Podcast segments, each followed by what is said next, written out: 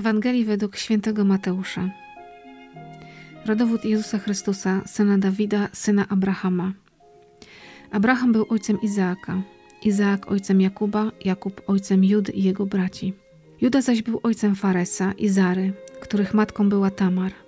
Fares był ojcem Esroma, Esrom ojcem Arama, Aram ojcem Aminadbada, Aminadab ojcem Naassona, Naasson ojcem Salmona, Salmon ojcem Booza, a matką była Rahab.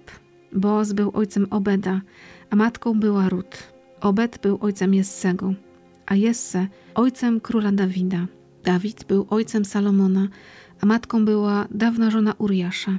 Salomon był ojcem Roboama, Roboam ojcem Abiasza, Abiasz ojcem Asy, Asa ojcem Jozafata, Jozafat ojcem Jorama, Joram ojcem Ozjasza, Ozjasz ojcem Joatama, Joatam ojcem Ahaza, Ahaz ojcem Ezechiasza, Ezechiasz ojcem Manassesa, Manasses ojcem Amosa, Amos ojcem Jozjasza, Jozjasz ojcem Jechoniasza i jego braci w czasie przesiedlenia babilońskiego.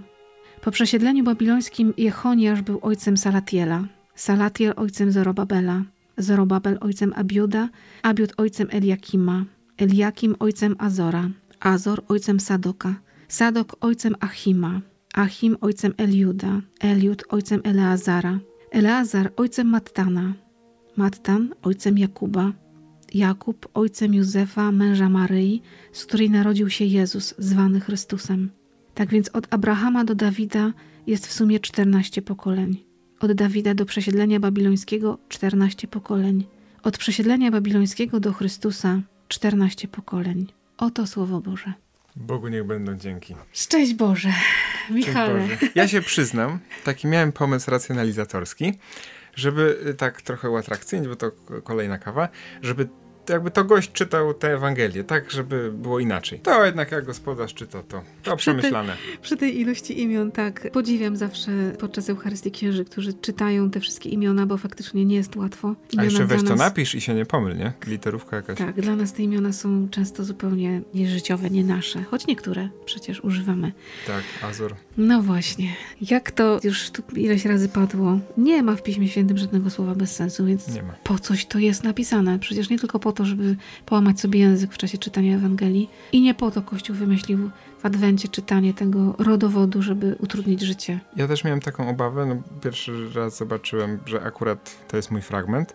To dużo miałem myśli tak naraz. Trafiła mi się książka telefoniczna. No ale dobrze, no to e, medytacja i tak jak często z tą medytacją mam problem. To tutaj nie miałem kompletnie. E, chciałem dwóm osobom podziękować. E, raz ojcom jezuitom za punkta do medytacji, a druga osoba to jest Sting. Popełnił taką piosenkę Jerusalem, Mad About You, czyli Jeruzalem i szaleje za tobą. Czyli tutaj zatrzymujemy się, tak jeśli dobrze liczę, w 15 pokoleniu i przy chyba czwartej kobiecie, nie wymienionej z imienia, czyli przy Betrzebie, żonie Uriasza Hetyty. I ten Dawid, który to może jeszcze za chwilę do mnie bardzo przemówił. I też ten taki motyw rodzinny, że tu tak naprawdę jest, no nie znamy wszystkich tak mhm. ze szczegółami. E, no ale tu jest, no bogactwo jest tak skondensowane, jak się przybliżyć trochę do jakiegoś imienia, no to tu jest historia na historii. Rozwijają się historie tak. niesamowite. Tak. Widzimy tylko pewną część tego rodowodu, ale tam przecież za każdym imieniem jest konkretna historia. I to jest niesamowite, że Jezus dał się w tą historię włączyć. Mógł przecież wszystko zmienić. I tu też, no nie oszukujmy się, tutaj y, te wszystkie imiona, te wszystkie postaci, y, to nie jest taka idealna rodzina. Oczywiście, że nie. No chociażby Ładnie wspomniany, zdjęciu, chociażby y, wspomniany Dawid, Dawid tak. ojciec Salomona, a Salomon tak naprawdę jest dzieckiem Dawida z Betrzebą i romansu okraszonego całkiem niezłą historią tak naprawdę zamordowania. Tak.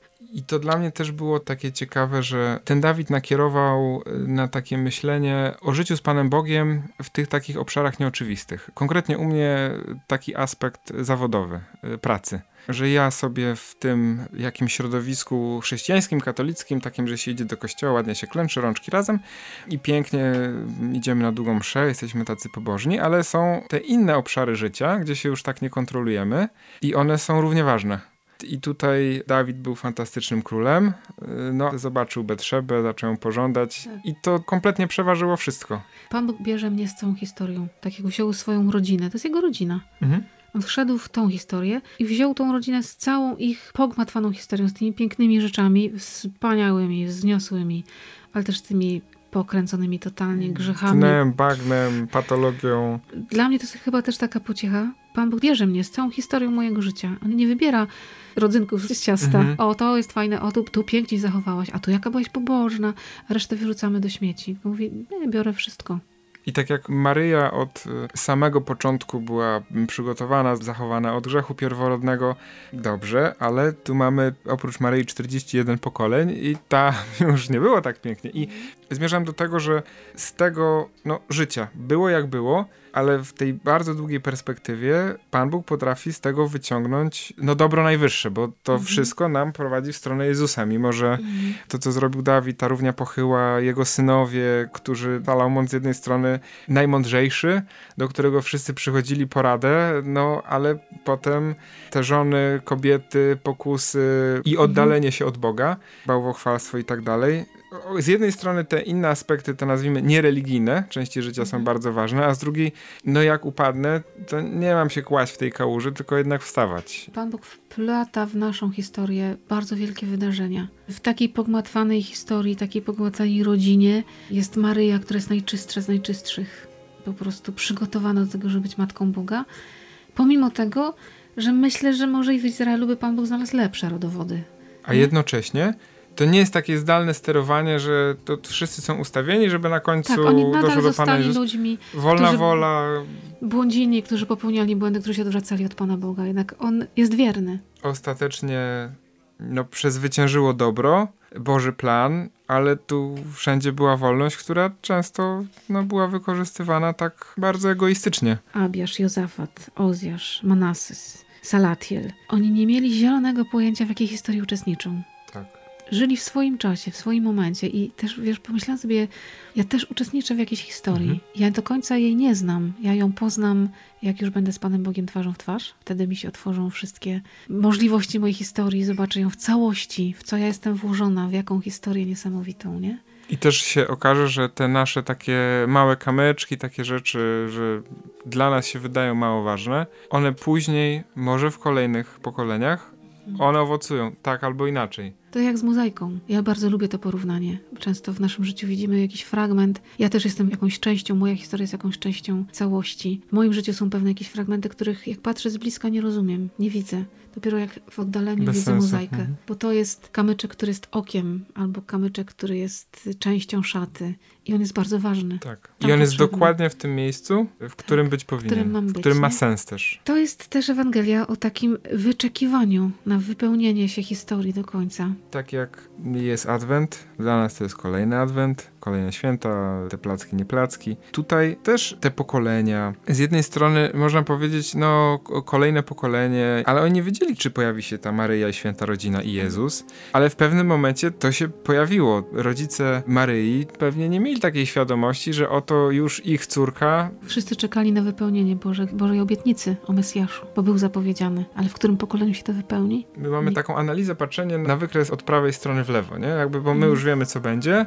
Tutaj wiemy, a no to tam Dawid, no to trochę ważne, ale nie aż tak, bo ten Jezus jest potem, a my nie wiemy, kiedy patrząc do przodu, no to mm. się zatrzyma, tak? Mm. Czy będzie paruzja, czy będzie coś przełomowego, mm. przyjdzie Pan Bóg, tak, kiedy... co się wydarzy w twojej historii życia, Tak, kiedy moja historia się skończy. Taki ten czas oczekiwania, czuwania adwentowy wyjdę z tego studia, też nie wiem, co się stanie. Ale jesteśmy częścią tej historii, w której Pan Bóg jest żywy, w której jest. I to jest chyba najbardziej pocieszające dla nas. Dlatego, no cóż, no żyjmy. Po prostu żyjmy. On zawsze jest. swoje życie. Czasem błądząc, y, ciągle mieć świadomość, że Pan Bóg jest w mojej historii i że On z tej historii tworzy niesamowite rzeczy, jeśli Mu na to pozwolimy. Tak, bo on też potrzebuje nas. Dzięki Michał za tą kawę. Dzięki za te wspaniałe słowa z niełatwej Ewangelii dzisiejszej. Powodzenia w czytaniu dzisiaj. Tak myślę, może się nauczę tych imion. A spróbuj. Dawida już znam. Powodzenia z Bogiem. Z Bogiem.